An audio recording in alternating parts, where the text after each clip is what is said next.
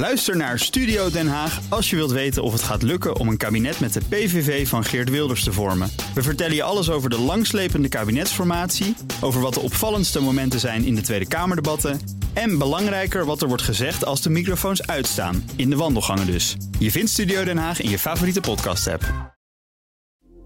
Dit is een BNR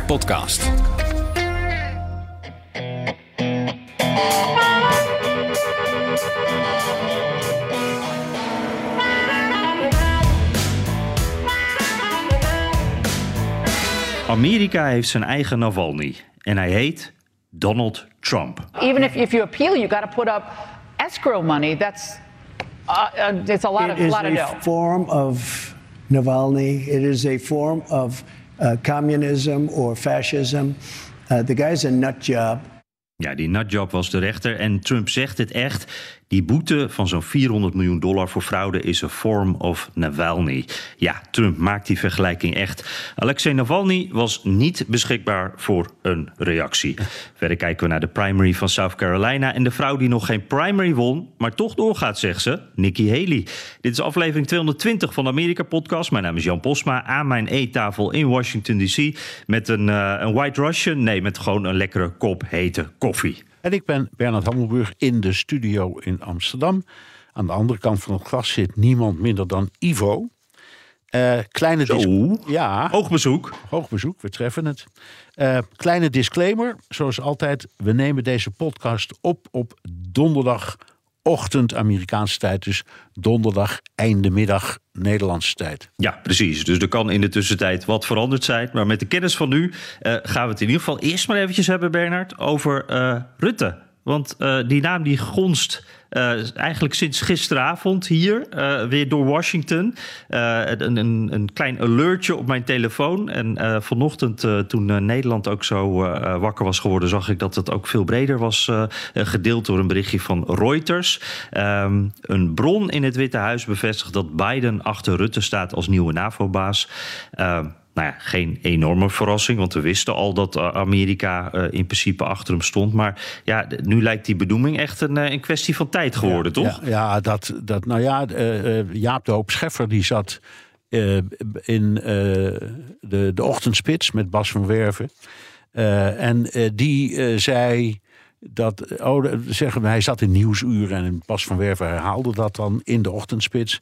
En die zei dat je rekening moet houden met 4 april, want dat is de verjaardag van de NAVO. Dus dat is het moment om zoiets te doen. Waarbij wij allemaal dan denken natuurlijk, ja, maar wat als het nog geen kabinet is? En eh, die, daar moet je rekening mee Ja. houden. Want wie wordt er dan premier? Want ook, ge- ook geen dimissionair premier meer weet. Maar goed. En, eh, ja, en nog iets, daar hebben we het al vaker over gehad. Het gaat uiteindelijk, alle, alle leden moeten instemmen. Maar uiteindelijk heeft natuurlijk Amerika de, de, de belangrijkste stem. En we hebben het ook wel eens gehad, als je dat herinnert, over dat voorval met ehm, eh, Warren Christopher, die minister van Buitenlandse Zaken was onder Bill Clinton. En die als sollicitant Ruud Lubbers eh, te woord stond. En Ruud Lubbers die kwam naar buiten en die zei: Nou, dat, dat was echt een heel goed gesprek. En eh, ik ben een hele goede kandidaat. Fijn. Ze hadden niet door dat Amerikanen dat tegen iedereen zeggen die komt solliciteren. Dat is echt waar. en, en vervolgens is eh, Lubbers dus afgewezen door eh, de regering Clinton. Dat was heel pijnlijk. En in zijn memoires schrijft Warren Christopher dat hij zich dat allemaal nog precies herinnert. Ehm, en eh, dat eh, hij zelden in zijn leven zo'n oninspirerende, saaie, zwijgende man had ontmoet als Ruud. Lubbers. Ja, dus het was ook niet, het was niet een beetje pijnlijk, het was super pijnlijk. Maar goed, lang geleden. Ja. Echt En, en, Ja. en daarna hebben we dodelijk moment. ja, dat, daar hebben we natuurlijk Jaap de Hoop Scheffer gehad. En nu hoogstwaarschijnlijk eh Mark Rutte. Dus Nederland heeft wat dat betreft niks te klagen. Ik moet steeds eh, nu denken aan dat momentje dat eh, Rutte in de Oval Office zat. Ik, ik was daarbij toen eh, tegenover Trump. En dat Trump een heel verhaal aan het houden was over handelsoorlogen. En nou ja, dat er ook best positieve scenario's waren. En dat Rutte toen zei: No. Ja. No. En tegen Trump inging. En ik denk steeds van nou, zouden veel andere NAVO-leden dat moment ook in hun hoofd hebben van wacht even, dit is de meneer die nee kan zeggen tegen Trump zonder dat Trump boos wordt. Ik, het zou me niets verbazen dat je daar gelijk in hebt, eh, Jan. Ehm, Bovendien, hij heeft vorige week ook heel nadrukkelijk desgevraagd. Toen, hè, toen iemand aan hem vroeg: uh, ja, wat doen we nou als, uh, als, uh, als Trump de verkiezingen wint? En toen zei hij: wat we moeten doen is ophouden met al dat gezuur en dat gejeremieer. We zien wel. En ik heb geen stemrecht in Amerika, dus ik ga er ook niet over. Uh, en uh, als uh, Trump president wordt, nou dan gaan we gewoon met Trump om als president van de Verenigde Staten. Dus ik denk dat dat was ook een hele slimme. Zoiets mm. van nee. Ja, precies. dat is precies wat de leider moet zeggen op dat moment. Toch? Ja, ik omarm hem helemaal niet. En ik zeg ook niet dat ik met hem eens ben. Maar kom op, zeg. De president van de Verenigde Staten binnen het NAVO-kader. Ja, daar, daar, ga ik, daar ga ik niet lastig tegen doen. Dus dat, ik vond dat wel slim. Nee, Misschien dat ze daar ook allemaal naar hebben gekeken. Ja, ik denk ook goede timing, uh, een goed moment om dat te zeggen. Ja. Hey, uh, naar Trump dan, want um, die zei in eerste instantie uh, niets over de dood van Alexei Navalny. En toen hij wat zei, kwam er niet echt een veroordeling van Poetin en ging het vooral over Trump zelf. Navalny is a very sad situation, and he's a bra very brave. He was a very brave guy because he went back. He could have stayed away, and frankly, probably would have been a lot better off staying away and talking from outside of the country as opposed to having to go back in because people thought that could happen, and it did happen, and it's a horrible thing. But it's happening in our country too. Uh, we are turning into a communist country in many ways, and if you look at it, I'm the leading candidate. I get indicted. I never heard of being indicted before. I was going to I got indicted four times. I have eight or nine trials, all because of the fact that I'm, and you know this, all because of the fact that I'm in politics. Ja, die, deze uitspraken kwamen in een week met meer uh, ja, wat gek Russisch nieuws in Amerika. En uh, natuurlijk in de week van dat treurige jubileum van twee jaar oorlog in Oekraïne. Uh, ja, Bernard, het is natuurlijk shocking wat Trump zegt, de vergelijking die hij maakt. Tegelijkertijd is het ook in lijn met wat hij eerder zei. Dus uh, hoe gechoqueerd zijn we nog? Maar wat valt jou het meeste op als je nu zo naar hem luistert? En ook in gedachten dan dat dit mogelijk de volgende president wordt? Nou, twee dingen. In de eerste plaats, um, het, hoe moet ik het zeggen, onbarmhartige gevoel dat hij uh, ons geeft. Uh, en ook eerlijk gezegd on-Amerikaans onbeschoft. Amerikanen zijn in het algemeen, wat ze ook vinden, wel redelijk beleefd in hun taalgebruik. Hm. En als iemand is vermoord, naar alle waarschijnlijkheid, iedereen vindt dat, denkt dat, gelooft dat. Ja, dan praat je niet over die man met als een soort.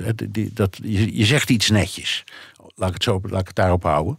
Um, en, uh, hmm. en om dat meteen helemaal naar zichzelf toe te trekken. En die vergelijking te maken, ja, dat, dat is, vind ik bijna ongelooflijk. Maar ja, het is nog maar pas dat hij uh, over de NAVO zei, hè, uh, als uh, landen niet voldoen aan die 2%-norm, als ze delinquent zijn, hè, wanbetalers. Nou, yeah. ik, ik, steun ze niet hoor, als ze worden aangevallen. En wat mij betreft kan Poetin zijn gang gaan, voegde die daar nog aan toe.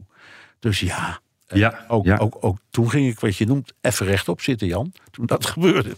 Ja, dus wat, ja, wat denk ik? Ja, precies. Het is. Um, ik, ik, ik word er een klein beetje zenuwachtig van, laat ik het zo zeggen. Ja, ik, dat had ik ook. En ik vond dat uh, de manier waarop hij eigenlijk uh, de link legt met de dingen die hij uh, normaal ook altijd zegt, dat vond ik ook wel, wel eng. Want hij, uh, hij en, en de Republikeinen om hem heen hebben het er heel vaak over dat Amerika uh, onder de, de communistische democraten, dat het helemaal mis zal gaan, dat het land zal afglijden, dat het nu al aan het gebeuren is. En dan denk ik altijd van ja, maar de echte betekenis van communisme, die, die weten heel veel Amerikanen niet. En die weten jullie nu eigenlijk ook niet. Of dat trekken jullie eigenlijk een beetje los van elkaar, de echte betekenis. En als hij nu dan heel concreet uh, ja, Navalny's dood uh, linkt met de situatie in Amerika en zegt van ja, wij worden ook zo'n communistisch, ook zo'n fascistisch land. Uh, dan denk ik van oeh, dat, dan maakt hij het toch weer even heel, heel concreet. En ik zag in de zaal, dit was tijdens de town hall op televisie, dat mensen daar ook bij knikten. Dat ze het er ook wel mee eens waren. En dat vond ik ook wel doodeng. Ja, ja, nou goed, er wordt dat publiek daar, dat is natuurlijk, ik zou maar zeggen, behoorlijk geselecteerd. Dat zijn echt de diehard uh, Trump-aanhangers. En uh, nou ja, je, je, je, kent mijn standpunt, iedereen mag zeggen wat hij wil. Uh, maar het, is, het, het, het, maakt je niet hoopvol. En je ziet ook um, in Europa, onder de NAVO-partners, nu echt een soort stuiptrekking bijna over, ja, die 2% waar we het over hebben en die we nu allemaal proberen te halen, is eigenlijk helemaal niet genoeg. Er moet nog meer bij, want we moeten echt ook zorgen dat we, ehm, ja, dat we op onszelf staan als Europese landen. Dus ze rekenen bij wijze van spreken buiten Amerika om. En de Algemene Adviesraad die adviseert het, eh, het kabinet en de Kamer. En eh, de voorzitter is eh, Koenders. En die zat in BNR, BNR De Wereld. Eh, en die had het ook over een, een Europese Veiligheidsraad. Dus je moet bij elkaar komen om, om, eh, ja, om, om te zorgen dat de veiligheid van Europa blijft gewaarborgd. En op een bepaald moment vroeg ik hem ook: zeg nou eens eerlijk, gaat dat advies eigenlijk alleen maar over eh, Trump en Poetin? En toen viel hij een beetje stil en toen zei hij: ja, dat beaamde hij. Eh, en en dat, tekent, dat, tekent, dat tekent voor mij ook wel. En hij zei: Europa moet, moet, moet gewaarschuwd worden wat er, wat er aan de hand is. Dus dit gaat ook allemaal een beetje over ons. Ik geef een lang antwoord, maar dat is echt. Om, dit gaat niet alleen over Amerika, dit gaat ook over ons.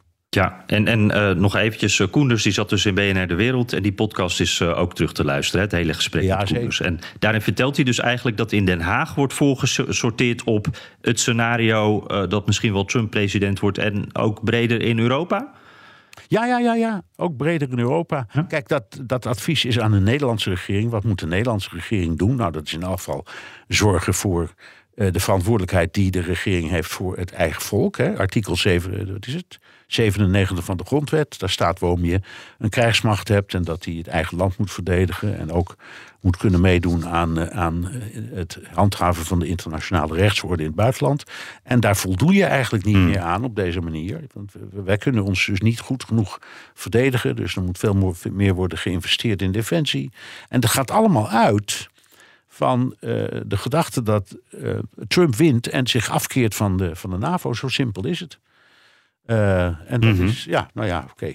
We, we zullen het meeleven. We weten ook nog niet precies hoe het afloopt, uiteraard. Maar, nou, ehm, het, het, heel, veel, heel veel mensen zijn heel zenuwachtig door al deze on- ontwikkelingen. Ja, ja, want het is ook een soort samenkomst. Hè? Deze eh, uitspraken van Trump, die hij ook blijft doen. Dus eerder over de NAVO, eh, nu, nu over Navalny eh, weer. Ondertussen is er nog steeds geen hulppakket hier in Amerika voor Oekraïne. Dat is ook mede dankzij, of vooral dankzij Trump. Die is daarvoor gaan liggen. Eh, dus is het dan ook een beetje zo, als je al deze factoren, al deze dingen zo bij elkaar optelt, dat dan het moment komt dat je een beetje ongerust eh, gaat worden? Ja, maar ik, ik kom even terug op wat jij net zei over dat publiek dat allemaal ja zat te knikken. Dat, daar moet je rekening mee houden. Hè, eh, de, de, de, de volgelingen van Trump, die, die vinden dit allemaal precies de juiste toon. Ehm, want de onderliggende gedachte is: wij zijn niet verantwoordelijk voor het welzijn van de hele wereld. Dus eh, als, die, als ze niet eens willen meebetalen, die, die, die NAVO-landen, eh, dan gaat meneer Poetin, die doet maar wat hij wil met die landen, maar van ons krijgen ze geen steun. En mensen denken, ja, dat is terecht. Want wij zijn niet meer de politieagent van de wereld. Dus dat moet, dat moet Europa zelf maar regelen. Dat is de gedachte. Daarom zitten ze allemaal ja te knikken als hij dat zegt. Ja. Nou ja, en dat woord communisme, dat vind ik ook wel opmerkelijk, Jan. Eh, dat inderdaad, eh, ik weet niet wat ze ermee bedoelen. Eh, ze bedoelen misschien extreem links, maar dat is niet hetzelfde als communistisch. Want communisme, ja, dat bestaat in, maar in een paar landen. Maar dat betekent in principe dat de productiemiddelen, dus fabrieken en al dat soort dingen, eigendom zijn van de staat. Dat iedereen in dienst is van. eh, dus de- eigenlijk is het grootste deel van de bevolking dan ambtenaar. Het is een heel ander systeem dan het pure kapitalisme dat eh, eh, Amerika regeert. Dus ik begrijp nooit precies wat, ze noem, wat ze nou bedoelen met communistisch. En hij gebruikt het ook over ehm, eh, wat er met Navalny is gebeurd. En als Poetin één ding niet is, dan is het communistisch. Daar heeft Ja, hij, heeft hij zo, ja. ontzettende hekel aan. Dus hij eh, wil wel heel graag terug naar het Rusland van vroeger, de Sovjet-Unie. Dus dat al die 15 landen weer één land worden. Maar absoluut niet communistisch. Daar wil hij niets mee te maken hebben. Dus ook dat is zo verwarrend. Ja, Ja, en het is uh, dat, dat allemaal, het is heel erg, uh, ja, het, zijn kortzichtige definities eigenlijk, of niet echt ingevulde definities die ze gebruiken, uh, die Trump gebruikt en die zijn supporters ook overnemen. En als het dan bijvoorbeeld ook, nou, over communisme is dat heel duidelijk, want dat wordt helemaal niet ingevuld wat daar precies mee wordt bedoeld, precies zoals jij zegt. En ik heb ook het gevoel, als het gaat om de NAVO, daar heeft Trump ook een soort eigen cartoon-versie van gemaakt, van ook wat jij net noemt, hè, van de, oh, ze betalen niet, dus dan, uh, dan komen wij ook niet. Dat is het eigenlijk een beetje. Terwijl het in het echt natuurlijk eh, anders ligt met dat bruto nationaal product wat je moet gebruiken, uh, 2% het is een ander verhaal dan wat Trump uitlegt. Maar dat maakt dan eigenlijk niet zoveel uit. Want hij komt met die korte cartoonversie. En mensen knikken en denken van, nou, dit klinkt eigenlijk heel goed. Hij heeft toch gelijk. En dat, daar houdt het dan een beetje mee op. Ja. En als het dan gaat over bijvoorbeeld de NAVO, dan kan je ook zeggen van ja, uh, je kan inderdaad korte termijn denken van wacht eventjes, uh, zij betalen niet, wij komen niet. Maar wat doet dat met de invloed van, van Amerika in de wereld? En wat doe je jezelf daarmee aan? En wat betekent dat voor Amerika's ja, toekomst? En, en, daar hebben ze het helemaal niet over. Nee, en omgekeerd, wat betekent het voor de invloed van Rusland op de rest van de wereld? Als er geen Amerikaanse uh, ja, weerstand komt, militair. Ja.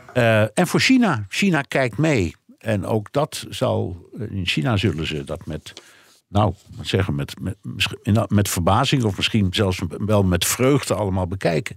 Want die, die hebben net zo'n mhm. soort van, ja, moet ik het zeggen, um, retorische uh, problemen met uh, de Verenigde Staten. Hè, om de systemen die botsen.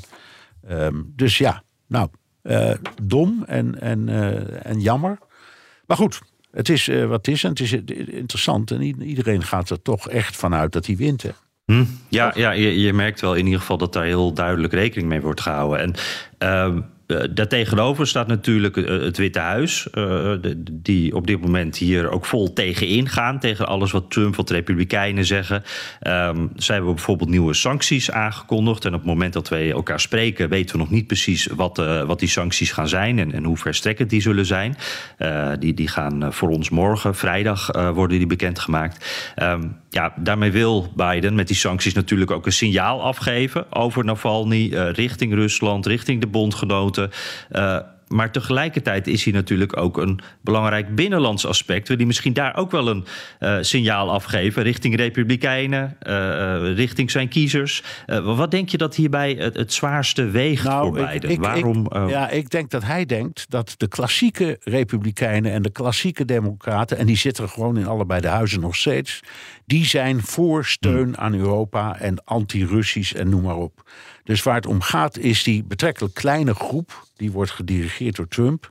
En ik denk dat, die, dat Biden denkt, als ik die overschreeuw... dan um, is het uiteindelijk gewoon een traditionele Amerikaanse campagne. He? Steun aan bondgenoten, samenwerken met bondgenoten... handelsverdragen sluiten met bondgenoten. En ga, en ga zo maar door. Um, ik denk dat dat is wat hij bedoelt. Het kan best zijn dat heel veel mhm. Amerikanen zeggen: Ik wil het allemaal niet meer horen de, al, al dat buitenlandse gedoe, al die oorlogen die dreigen of spelen, laat, laat, het, laat het lekker voorbij gaan. Het gaat niet over ons. Mhm. Dus ja. En, en, dan denkt die, die Amerikaanse kiezer natuurlijk ook echt eventjes aan zichzelf, toch? Die denkt echt even van, wacht even, ik wil volgend jaar een nieuwe auto kopen. Wat maakt mij Oekraïne uit? Zo is het, ja. hey, uh, Jan, was sowieso veel Russisch nieuws nog. Hè? Uh, even een rondje. Uh, Tucker Carlson met beelden uit Moskou. Veel aandacht voor zijn verbazing in de supermarkt. Dat zijn nog de boodschappen hier goedkoop. Ik radicaliseer helemaal. Um, ja, Bernard, ik, ik, eh, dat vond ik wel echt bijzonder hoor. Want hij, hij loopt daar dan door een supermarkt en hij, hij kijkt om zich heen alsof hij in een soort eh, wonderland is, wat hij nog nooit eerder gezien heeft.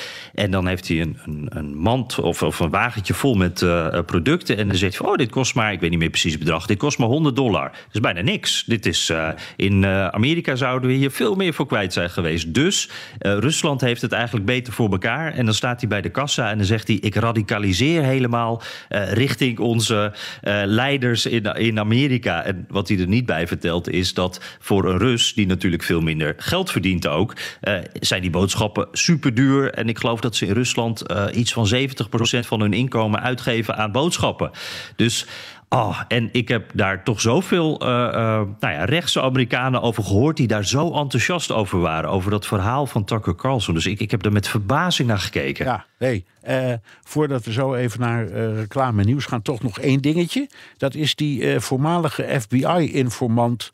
die is opgepakt omdat hij valse informatie over president Biden... en Hunter Biden, diens zoon, zou hebben gegeven. Die man zou banden hebben met uh, Rusland. Hoe zit dat nou? Want ik, het, daarmee valt volgens mij die hele um, uh, afzettingsprocedure tegen Biden en ook het, het proces tegen, tegen Hunter in, in stukken. Ja, uh, zeker die impeachment zou je zeggen. Al, al zeggen Republikeinen dat dat helemaal niet het geval is.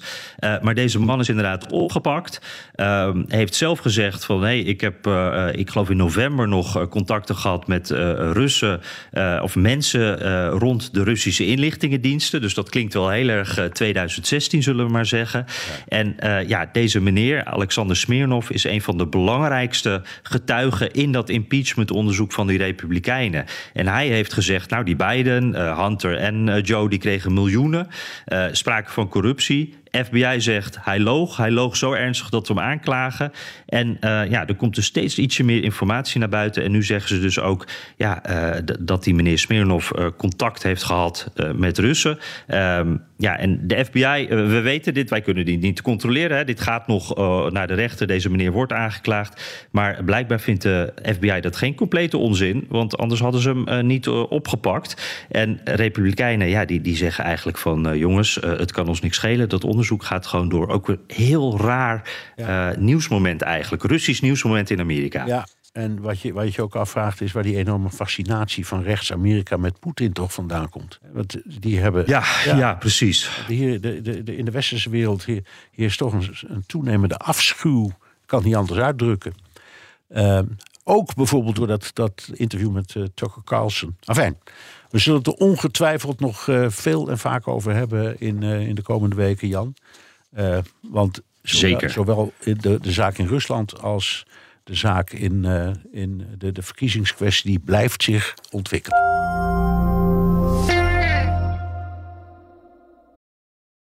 Ook Bas van Werven vind je in de BNR-app. Ja, je kunt live naar mij en Iwan luisteren tijdens de ochtendspits. Je krijgt een melding van Breaking News. En niet alleen onze podcast Ochtendnieuws, maar alle BNR-podcasts vind je in de app. Download nu de gratis BNR-app en blijf scherp. We gaan het hebben over South Carolina. Zaterdag is de primary daar en in de peilingen is er eigenlijk sinds Iowa niet veel veranderd. Trump staat op ruim 60%, Haley op 30%. En Nikki Haley gaf deze week een toespraak over de staat van de race. Wat zou dat betekenen? Gaat ze los van de Republikeinen als onafhankelijk kan, uh, kandidaat meedoen? Heeft ze een running mate of tovert ze een andere konijn uit de hoge hoed? Stapt ze misschien wel uit de race? De toespraak werd uitgezonden voor alle nieuwszenders, maar ze vertelde uiteindelijk niets nieuws. Some of you, perhaps a few of you in the media, came here today to see if I'm dropping out of the race. well, I'm not. Ja, en uh, verder had ze eigenlijk ook niet zoveel nieuws te vertellen. Dus het was eigenlijk gewoon een campagne-speech die ze gaf. Ja, Bernard, hoe heb jij hier nou naar gekeken? Nou, was dit nou slim? Heeft dit voor haar iets opgeleverd? Nee, ik uh, denk niet dat het veel uitmaakt. Maar het is wel typerend voor Nikki Haley, vind ik. Dit soort dingen. Uh, het, het, het is, is, vlot en leuk en charmant, maar het, het heeft geen inhoud. Geen in, compleet inhoudloze zin is dit. Um, hm. En um, ja, het, is inderdaad zo dat heel veel mensen zich afvragen: gaat ze er nou uit of gaat ze er nog niet uit? Dus de vraag was op zichzelf juist. Maar ik, ik denk dat dit haar geen stem oplevert. Want waarom zou iemand stemmen op iemand zegt, uh, die in feite zegt: uh, ik, ik, ik hou niet op met de verkiezingsrace? Uh, je stemt op iemand omdat je in hem gelooft. Of omdat je mm. denkt, het is, uh, ik ben tactisch en ik hoop dat haar tegenstander verliest. Of omdat je denkt, zij heeft waarschijnlijk een betere kans om Joe Biden te verslaan dan uh, uh, Trump. Alle mogelijke dingen die je denkt, maar niet iets tegen de media van jullie willen van mij iets horen en daar kom ik lekker niet mee. Nee, dus mijn antwoord is, mm. het levert niets op. Nee, ik had hetzelfde gevoel, want ja. ik denk dan van South Carolina, dat is het moment ja, de, meer dan ooit uh, moet ze daar gewoon echt wat laten zien. Ja, het is haar staat. Eh, er moet echt wat gebeuren. Ja. precies. En, en ze heeft tot nu toe nog geen enkele voorverkiezing gewonnen. Er zijn er ook nog niet zoveel geweest, maar ze is ook nog niet. Ze heeft nergens nog een kans gemaakt. Ze, ze is nog nergens in, echt in de buurt gekomen. Dus ik had het gevoel, zij heeft echt iets nodig. Een soort game changer. Iets, iets wat echt de boel even opschudt. En toen kwam ze hiermee, uh, dus een gewone campagnespeech. En dat was eigenlijk niks voor mijn gevoel. Het, het uh, was meer van hetzelfde. Um, en wat ik ook wel uh, bijzonder vond, uh, CNN zond het uh, nou, de eerste paar minuten uit. En die haakte daarna af toen er geen nieuws bleek te zijn. Nou ja, dat is denk ik ook niet het echte publiek waar ze naar zoekt. Fox News heeft eigenlijk die hele toespraak uitgezonden.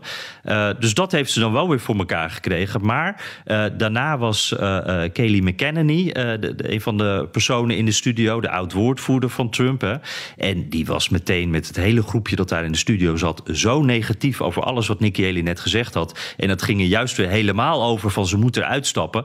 Dat ik ook het gevoel had van, nou ja, hier midden op de dag, uh, 12 uur s middags, uh, de Fox News kijkers die zitten kijken.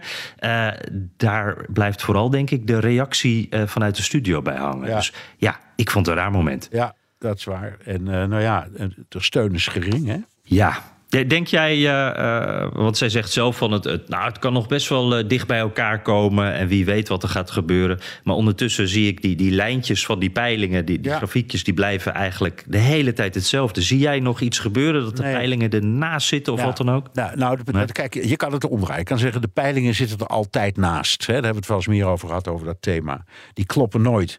Maar hmm. ze geven wel vaak een trend weer. En met, wat, wat zei je net, 60 tegen 30 procent in de peilingen. Mm. Nou, zelfs als ze allebei uh, 10 procent opschuiven naar elkaar toe, dan wint Trump nog op zijn sloffen. Dus nee, ik, ik, ja. ik, ik, denk dat het inderdaad. En het is jammer, want uh, uh, ik, ik had het ontzettend leuk gevonden. En ook best gezond voor de democratie. Als die twee samen een, uh, een, een lange en interessante campagne konden uitvechten. Ik denk dat dat. Ja ook voor de levendigheid en voor, voor het voortzetten van het hele proces van voorverkiezingen, uh, dat dat gewoon uh, ja, uh, echt gunstig zou zijn geweest. Maar ja, we Hmm. moeten maar zien, hè, die, die, die verkiezing, die primary, die is op zaterdag, wat ook ongebruikelijk is, maar het is nou helemaal zo bij de Republikeinen. En dan maar even kijken, misschien valt het mee, misschien hebben we het allemaal helemaal fout. Maar ik denk van niet hoor. Nee, ik heb dat gevoel ook. En, en wat jij uh, net schetst, van stel dat er 10% afgaat bij Trump en 10% bij bij Haley. Ik denk als zoiets uh, in een van de eerdere staten was gebeurd, uh, de, de, of nou, daar gebeurde dat ook wel een beetje, dat Haley het toch net ietsje beter deed dan verwacht. dan kon je nog zeggen van, nou, hè, ze komt in ieder geval in de buurt. Er is, misschien gebeurt er wel iets, misschien is er iets gaande.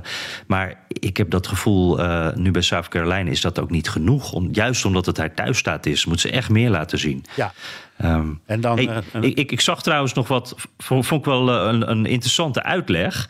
Um, een stukje uit de New York Times. Die hadden ze een beetje naar de demografie in South Carolina gekeken. En die, die zagen uh, dat sinds zij gouverneur was in South Carolina... dat er zo'n 10% aan nieuwe inwoners is bijgekomen in die staat. En zij zagen dat de meeste van die mensen uit de buurt van New York komen. En dat zijn over het algemeen redelijke pro-Trump mensen. Dus pro-Trump kiezers. Dat vond ik wel een interessante. Dat dat misschien invloed heeft ook op, op de uitslag... dat het South Carolina van haar ja. gouverneurschap niet meer het South nee. Carolina van nu is. En dat zijn dan immigranten uit New York, maar niet uit de stad New York, neem ik aan, maar uit de staat. Want daar heb je inderdaad heel ja, veel. Ja, precies, precies. Daar heb je grote republikeinse gebieden en ook heel veel uh, pro-Trumpers. Interessant. Nou, hey, uh, dit wordt uh, denk ik een hele spannende halte, of misschien juist niet. En dan, Jan, wat dan? Dan, dan gaan we op naar, denk ik, misschien wel de belangrijkste dag van de voorverkiezingsrace. Namelijk ja. uh, Super Tuesday, 5 maart. Ja. ja. En, en dan moet ja, ze... en ik ben wel benieuwd hoor. Want, want zij zegt dus steeds: ik ga sowieso door tot Super Tuesday. Um, maar uh, ik heb eens eventjes daar gekeken wat de verhoudingen zijn. En in veel van die staten wordt niet eens heel goed gepeild hoor. Want uh, ja, dat, dat is meestal niet eens echt nodig uh, voor, voor dit soort races. Maar ik zie eigenlijk nergens echt, echt een kans dat ik denk van... hé, hey, daar kan zij voor een verrassing zorgen. Ja. Zie jij dat? Um... Nee, kijk, we moeten even kijken hoe je dat definieert. Je zou kunnen zeggen, een verrassing zou zijn eh, als bijvoorbeeld eh, eh, mensen als democraten op haar zouden stemmen. Omdat ze niks zien in, in, in Biden en ook niks zien in Trump. Dat is dus een soort ja, tactische stem.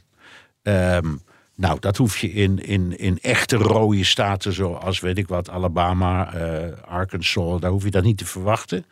Maar wie weet scheelt het iets in Californië. Want dat is toch, hè, wat, eh, en Massachusetts zou kunnen. Dat, zijn, dat zijn van die, ja, dat zijn liberale staten. Die ook meestal worden gewonnen uiteindelijk in de presidentsverkiezingen. Niet in voorverkiezingen, maar presidentsverkiezingen. Door de democraten. En het kan zijn dat je daar iets van overloop hebt. Dus wie weet. Maar het hele beeld van die eh, staat van al die, wat zijn het er, 15 geloof ik tegelijk. Nee, ik zie niet één. Jij wel? Zie je er één waarvan je denkt, nou daar heeft ze nog een kansje? Nee, ik ook niet. Nee. En, en, en daardoor kom ik dan ook bij de, vraag waar ik eigenlijk al een hele tijd mee zit... en waar ik niet echt een goed eh, antwoord op heb. Ik heb wel een paar scenario's eh, die zouden kunnen... maar ik weet niet wat het nou uiteindelijk is. En dat is namelijk, wat is nou het doel van Nikki Haley? Wat wil ze nu bereiken? Gelooft ze nou echt nog dat ze het kan winnen? Dat, nou, dat kan ik me eigenlijk niet voorstellen. Ja. Eh, zij is eh, een hele slimme politica. Zij ziet het ook wel. Wat, wat, wat, voor, wat denk jij? Wat, is het doel van Nikki Haley op dit moment? Nou, ik denk dat ze nog wel gelooft dat ze het redt. En ook al omdat ze nog steeds financiële steun heeft. Hè. Ze heeft nog steeds sponsors die in elk geval met haar meegaan. Dus ze kan ook gewoon doorgaan? Ze heeft het geld. Eh, ze, kan het, ja, ze kan het zich dus gewoon wat campagne technisch en budgetair veroorloven.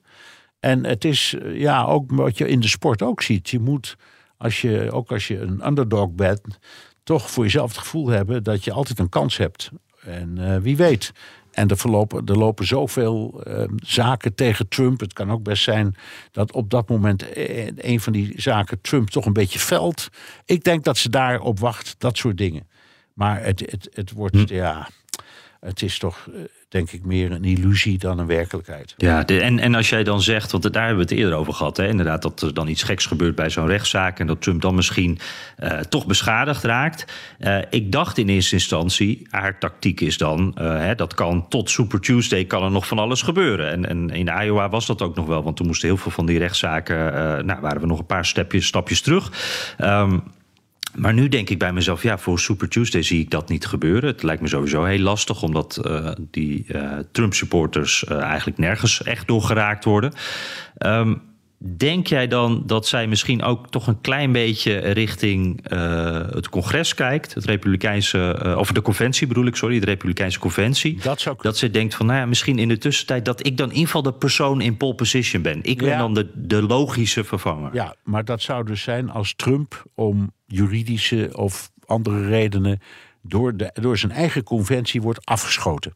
Dat zou kunnen. ja. kan zijn dat, eh, dat uiteindelijk de kandidatuur die die ruim wint niet wordt bevestigd op de eh, conventie. Dat is heel ongebruikelijk hoor, dat, gebeurt bijna nooit, maar het is wel eens gebeurd. En dan, eh, dan, dan krijg je een brokered convention, dus dan is iedereen ontheven van zijn plicht om een bepaalde kandidaat ehm, eh, te volgen. Dus dan, dan zijn alle eh, gedelegeerden vrij om te stemmen op wie ze willen. En dan zou in principe Nikki Haley alsnog naar voren kunnen komen. Misschien dat ze daarop gokt, wie weet.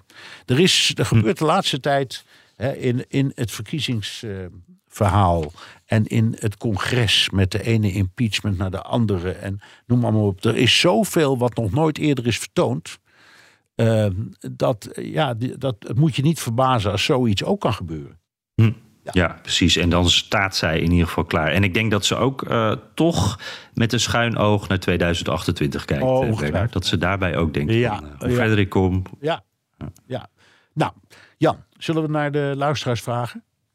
Ja, Ja, die zijn welkom via de mail of via de Amerika Podcast WhatsApp. Daar kun je je vragen of opmerking ook inspreken. Het nummer is 06 2813 5020. Ja, en laat ook eh, graag even een beoordeling voor ons achter in eh, Spotify of in eh, Apple Podcast. Dat mag ook trouwens. Vertel het je vrienden, zodat zij ook gaan luisteren, dat zij ook abonneren. Helpt ons weer.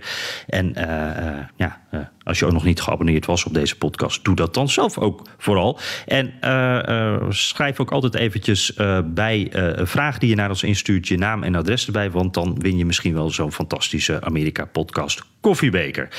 iemand die in ieder geval zijn adres erbij had geschreven was Robert de Jager. Zullen we eens luisteren wat zijn vraag is? Hey heren.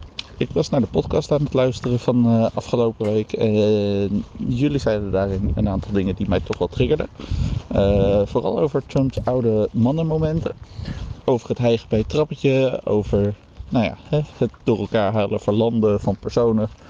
Is dit niet iets wat de Democraten ook zouden kunnen gebruiken? En hoe zou Trump of het team van Trump reageren als Biden dat voor zijn voeten zou gooien? Van joh je hebt het wel steeds over mij dat ik een oude man ben, maar heb je wel eens naar jezelf gekeken en daar ook een spotje van maken? En dat ook op de landelijke tv uitzenden en ook op Fox News. Zou dat enig effect kunnen hebben? Wat een leuke vraag. Hm. Ik vind hem echt heel leuk. Ja. ja. En ik denk dat het antwoord ja is. En het brengt mij op de gedachte waarom de Democraten altijd zo slecht campagne voeren. Uh, Republikeinen en zeker Trump en zijn campagne, die zijn briljant in het maken van spotjes, in het vinden van, ik zal maar zeggen, scheldwoorden voor uh, uh, tegenkandidaten. En dat doen de Democraten allemaal niet. Dus ik kan me inderdaad best een, een filmpje voorstellen waarbij je Trump alleen maar zich ziet verspreken of van het, ziet struikelen op een trappetje. Dat monteer je achter elkaar en dan eh, zet je er een simpel tekstje om. Um, Zo'n, zo, noem maar wat, leugenaar, onhandig, op duidelijk zichtbaar te oud. Stem Joe Biden. Punt. Hm. ik noem maar wat. Ja. En doen ze niet. Ja. Nou. Nee. Ja, het, is heel grappig dat je dit zo, zo zegt. Want uh, ik, ik, zie het in één hoekje uh, wel voorzichtig een beetje gebeuren. En dat zijn uh, een beetje de, de, de actiegroepen. zoals Midas Touch is er eentje. En Lincoln Project. die ken je ook, hè? Ja. En daar zie je af en toe uh, wel dit soort, uh, vooral via social media, via Twitter, via berichtjes, zie je dit soort dingen voorbij komen. En het grappige is dat daar ook een paar republikeinen in zitten, een paar oud-republikeinen. Dus uh, dat onderschrijft eigenlijk weer wat jij zegt, dat democraten dat zelf niet kunnen, niet willen, niet, niet kunnen verzinnen. dat je daar toch een paar republikeinen voor nodig hebt. Ja, zo is dat. Nou, ja. Nou, hm. in ieder geval dank, Robert. Ja, precies. Ik, ik denk trouwens nog uh, wel uh, dat, dat uh, het komt, denk ik, bij. voor Trump zou het wat minder hard aankomen, denk je niet? Omdat Trump toch wat energieker overkomt. Zeker. En, dan, dan en, en, je kunt je al het, het, het, het, filmpje voorstellen dat de Republikeinen als antwoord gaan maken hè, over, over ja, Joe Biden. Precies. Dus je, je, maar toch, maar toch. Hè, gewoon ja. proberen en een beetje het oorlogspad op. Nee, doen ze niet. Precies. Nou ja, behalve dan dat, uh, dat, dat ja. de, de, Biden die, die, die, die schuilt wel tegen Poetin. Die, die, die noemt hij een son of a bitch. ja? ja. Maar tegen Trump durft hij het niet. Nee, nee, niet op die manier inderdaad. Dat, uh, al moet ik zeggen, nu, nu, je dit zo zegt, denk ik dat Biden wel de meest uitgesproken is. Die, die is een stuk uitgesprokener, oh, ja. ook richting Trump, dan, oh, ja. dan zijn spotjes eigenlijk. Dus dat, nou. Zeker. nou ja, goed. Hey, leuke vraag in ieder geval, ja. Maakt uh, veel los. Uh, Katerijn den Boterbloem uh, dan. Um, die zegt: uh, Ik ben de afgelopen jaren verliefd geworden op de staat Idaho. Uh, ik ben als uh, wandel- en natuurliefhebber al een aantal keren hier geweest. ik kom er met groot plezier, de bergen en de boslucht daar. En heeft daar eens wat meegemaakt. Ik kreeg een lift van een trucker in zo'n enorme vrachtwagen die door de sneeuw kan. De trucker wilde horen hoe Nederlands klinkt. En gelukkig heb ik nog een aflevering van jullie gedownload. Dus hebben we samen een stukje geluisterd. wat, wat een mooi beeld. hij vertelde me dat hij een enorme fan van Trump is, omdat hij zich niet inlaat met alle BS, bullshit van de Republikeinen uh, hier in Idaho. Uh, en uh, ja, want hier hebben we geen tijd om, om uh, ons zorgen te maken over woke onzin uit de steden. Uh, hij vond dan wel weer dat transgender personen en drag queens door politici met rust moeten worden gelaten. Oké, dus daar zat wel een, een stukje nuance. Nu vroeg ik mijzelf naar aanleiding van ons gesprek in die vrachtwagen af: heeft het natuur en het klimaat van gebieden invloed op het stemgedrag van de Amerikanen? En hoe komt het dat dunbevolkte staten zo republikeins zijn? Um Nou, dat dun bevolkte, dat heeft eh, te maken met een bepaalde. Het zijn in het algemeen witte staten. Ehm, dat is denk ik een belangrijker factor dan dun bevolkt. Dus het zijn. Het, het, het, het zijn eh, je hebt daar bijna geen minderheden. Ik denk dat dat een enorme invloed heeft.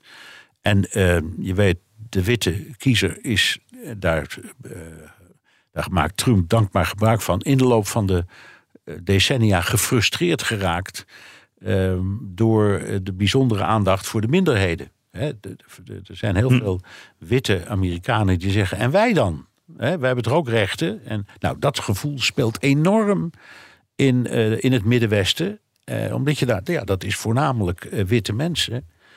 Ik weet niet of het klimaat er invloed op heeft. Daar geloof ik eerlijk gezegd niks van. Want waarom zou het? Ehm, en Californië heeft ook een, eh, gewel, een heel apart klimaat. En ook bergen en ga zo maar door. En dat stemt toch in het algemeen in meerderheid democratisch. Dus ik, ik, dat weet ik niet. Hm, nee, inderdaad. En, en in ieder geval ook die, die minderheden. En, en ook stel dat je als eh, nieuwe immigrant Amerika binnenkomt. Ja, waar zijn dan de banen? Eh, in die grote steden meestal. Dus die komen daar ook vaak terecht. Dan kom je niet zo snel op het platteland. Hey, eh, mooi verhaal in ieder geval van, eh, ik moet zeggen, Katie. Want zo, eh, wordt zo stelt ze zichzelf voor in Amerika. Leuke vraag. Adam van Dijk dan, die zegt... het valt mij op dat in Amerikaanse films zonder terughoudendheid... wordt gedronken door de personages en er daarna gerust een auto in beeld komt. Wordt alcohol drinken en autorijden in de VS normaler gevonden dan in Nederland? En hij zegt er nog, ja, Amerikanen hebben natuurlijk vaak geen fiets... moeten grotere afstanden afleggen. Is dat misschien een verklaring? Ehm, ik, dat filmische, dat ben ik me niet zo bewust, maar ik neem het onmiddellijk aan. Ehm, wordt alcohol drinken en autorijden normaal gevonden? Nee, absoluut niet. En dat heet eh, driving under influence, hè, DIU. Als je daarvoor wordt gepakt, krijg je een ongelooflijk zware boete. Eh, En Amerika, de meeste Amerikaanse staten hebben puntenrijbewijzen. Dus je mag maar zoveel punten halen, strafpunten. Weet ik veel, je mag er acht of twaalf he- hebben. En hiervoor krijg je dan, weet ik veel, in één keer vier of vijf. Eh, dus nee, ze zijn er heel streng op. Eh, maar er zijn natuurlijk heel veel mensen die denken... ja, wat kan mij gebeuren op... eh, ik zit midden in de prairie. Hoe groot is de kans dat ik een agent tegenkom? Hè? Dat speelt natuurlijk ook een rol. Ja. Ja. Nou, en eh, het valt me wel op, en dat is in het verlengde van wat Adam ook zegt. Van, eh, ja, heel vaak moet je hier inderdaad in de auto naar het restaurant als je buiten een stad woont. En het valt mij ook wel op dat mensen dan toch gewoon aan de alcohol zitten. Nou, nou weet je nooit of daar dan een bob is of eh, hoe ze dat geregeld hebben. Maar ja, ik, ik, ik- het beeld dat hij heeft, dat, dat zie ik denk ik ook wel een klein ja, ja, beetje. ja. Dat, dat de Amerikanen er soms wel wat makkelijker in zijn. Ja. Eh, in ieder geval, eh, dank eh, Ronald Dekker dan. We, we eindigen even met een, met een, een ingewikkelde, denk ik. APAC wil je het over hebben. De, de, de, de Israëlische eh, Pro- ja, pro- lobby, het is een zeg pro- maar even. Pro-Israël lobby is dat. Ja, de Ja, grote, grote dat zeg je nog beter. Ja. Ro- Ronald wil weten, hoe is de rol van APAC op dit moment... zeker gezien het conflict tussen Israël en Hamas? Ja, dat is interessant. Ehm, die, die, die, macht is er zeker. Maar je moet even eh, goed kijken naar eh, de getalsverhouding. Er, wonen in Amerika in totaal maar 5,5 miljoen Joden. Dus eh, ook als die zich in zo'n organisatie verenigen... dan is per definitie de, de, de invloed niet zo heel groot. Maar politici die komen vaak daar praatjes houden... om te laten zien dat ze ehm, eh, Israël steunen. En er is tegenwoordig ook eh, een concurrent, J Street. eh, en die groeit als kool. En dat is, dat, dat is een veel linksere organisatie. Dus die is bijvoorbeeld nu erg kritisch op het gedrag van Israël in Gaza. En ook daar komen die presidentskandidaten vaak tegenwoordig babbelen. Dus de, de traditionele stelling dat dat APEC zo ongeveer. ehm, eh, ja, de oude Barry Goldwater. Die, die, die zei ehm, dat Capitol Hill looks like Israel occupied territory. Eh, met andere Ja, woorden, een hele lange periode geweest dat het congres dacht... we worden helemaal eh, ja, in, in de tang gehouden. Maar zo is het niet. En je weet, de echte steun, de grote steun, de belangrijkste steun... die komt uit de evangelische beweging... en heeft hier dus helemaal niks mee te maken. Nou, dan heb je toch eventjes een heel ingewikkeld onderwerp uh, onder een minuut uh, samengevat. Goed, Bernard. Zullen we hem daarmee dan ook maar even afsluiten, deze aflevering? Oké, okay, terugluisteren kan via de BNR-site, Apple Podcast of Spotify. Heb je vragen, opmerkingen, kritiek of complimenten, dan kan dat ook met een tweet naar Jan Postma USA of BNR De Wereld. Of heel ouderwets met een mailtje naar dewereld.bnr.nl. En je kunt ook je vraag inspreken of intikken op de Amerika Podcast WhatsApp 06 28 13 5020. Ja, en zoals altijd, zet je naam en adres er even bij. Dan ding je mee naar die fantastisch mooie mok. Uh, laat even sterren achter op Spotify. En abonneer je op deze podcast. Hè. Uh, dan zeg ik voor nu, uh, Bernard, tot volgende week. Tot volgende week, Jan.